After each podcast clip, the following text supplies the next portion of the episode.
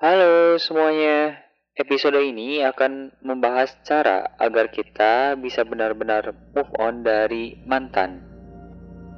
Akhir-akhir ini banyak sih, banyak banget yang nanyain, Kak gimana sih cara kakak bisa move on?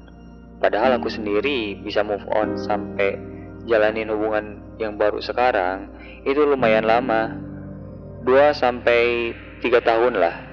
Tapi aku bakal bagiin tips aku bakal bagiin tips yang lumayan ampuh buat kalian ya seenggaknya mungkin kalian bisa lebih cepat move on dari aku Oke, sebelum masuk ke topik pembahasannya, kita intro dulu ya. You slept away the morning, the things that you would miss, like laughter from the kitchen, or a memory like this.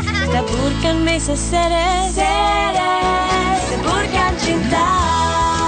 Aroma 100% coklat asli Mrs. Ceres tak ada yang menandingi padat renyahnya dan kelezatannya. Taburkan mesa seres, seres, taburkan cinta. kayak kayak kayak kayak apa gitu ya Sebenarnya permasalahan seseorang gak bisa move on itu adalah seberapa banyak kenangan indah yang telah kita lalui bersama mantan, seberapa besar peran kita membangun hubungan itu, dan seberapa besar perjuangan kita untuk mempertahankan suatu hubungan. Hubungan bisa kandas itu banyak faktornya.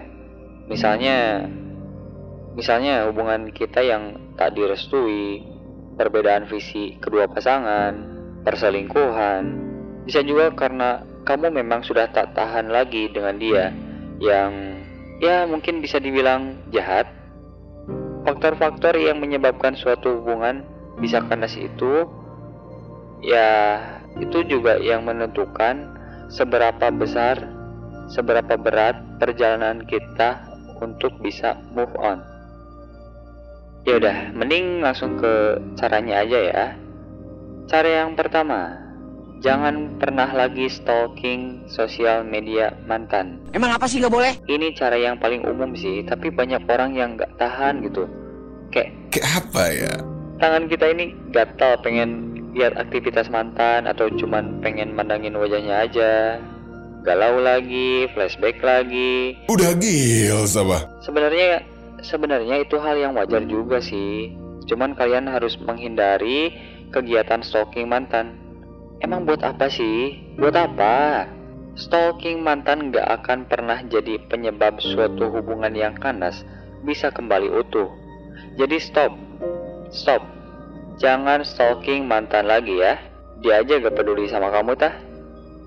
Mending kamu stop main sosial media dulu beberapa hari sembari cari kesibukan lah biar fokus kamu bisa beralih ke hal yang positif. Jangan galau aja. Oke, cara kedua. Cara kedua, gak usah nyalahin diri sendiri. Saat hubungan kita kandas, pasti ada saatnya kita ngelamun gitu, mikirin ini salahku. Aku yang gak bisa jaga hubungan. Aku yang gak bisa memaafkan dia. Aku yang gak bisa ngertiin dia aku yang aku yang terus aja kayak gitu sambil nanam kapas di atas toge eh salah nanam toge di atas kapas. Hei, sadar hei. nyalahin diri sendiri. Nyalahin diri sendiri itu cuman bikin kita jadi orang yang penuh penyesalan dalam hidup. Gak enak cuy asli. Gini ya neneknya nenek nenekku dari nenek nenek sebelum nenek nenekku dulu selalu bilang gini. Bodoh amat. Nah, apa pun yang telah kamu lakukan, jangan pernah menyesali perbuatan itu. Tapi bersiaplah dengan segala resiko yang telah kita ambil.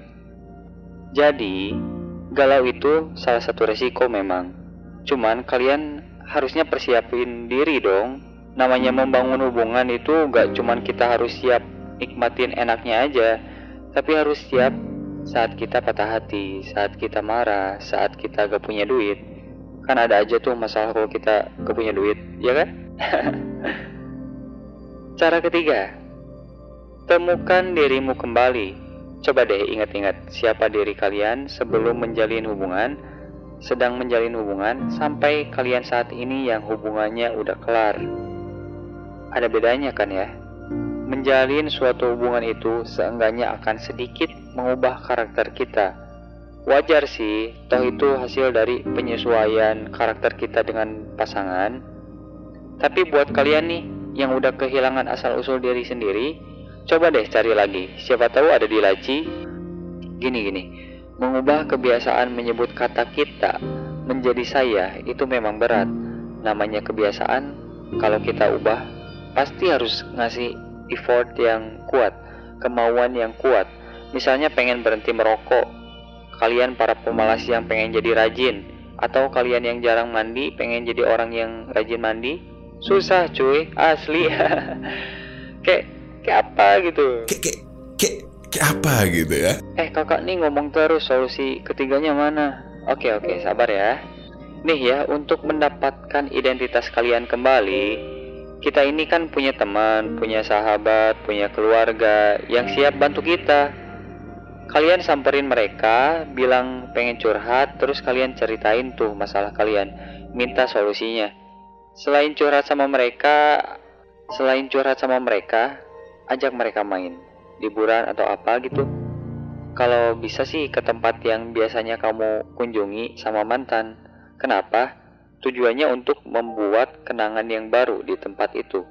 Jadi jangan sampai suatu tempat menjadi dalam kutip angker buat kita gara-gara gak mau flashback.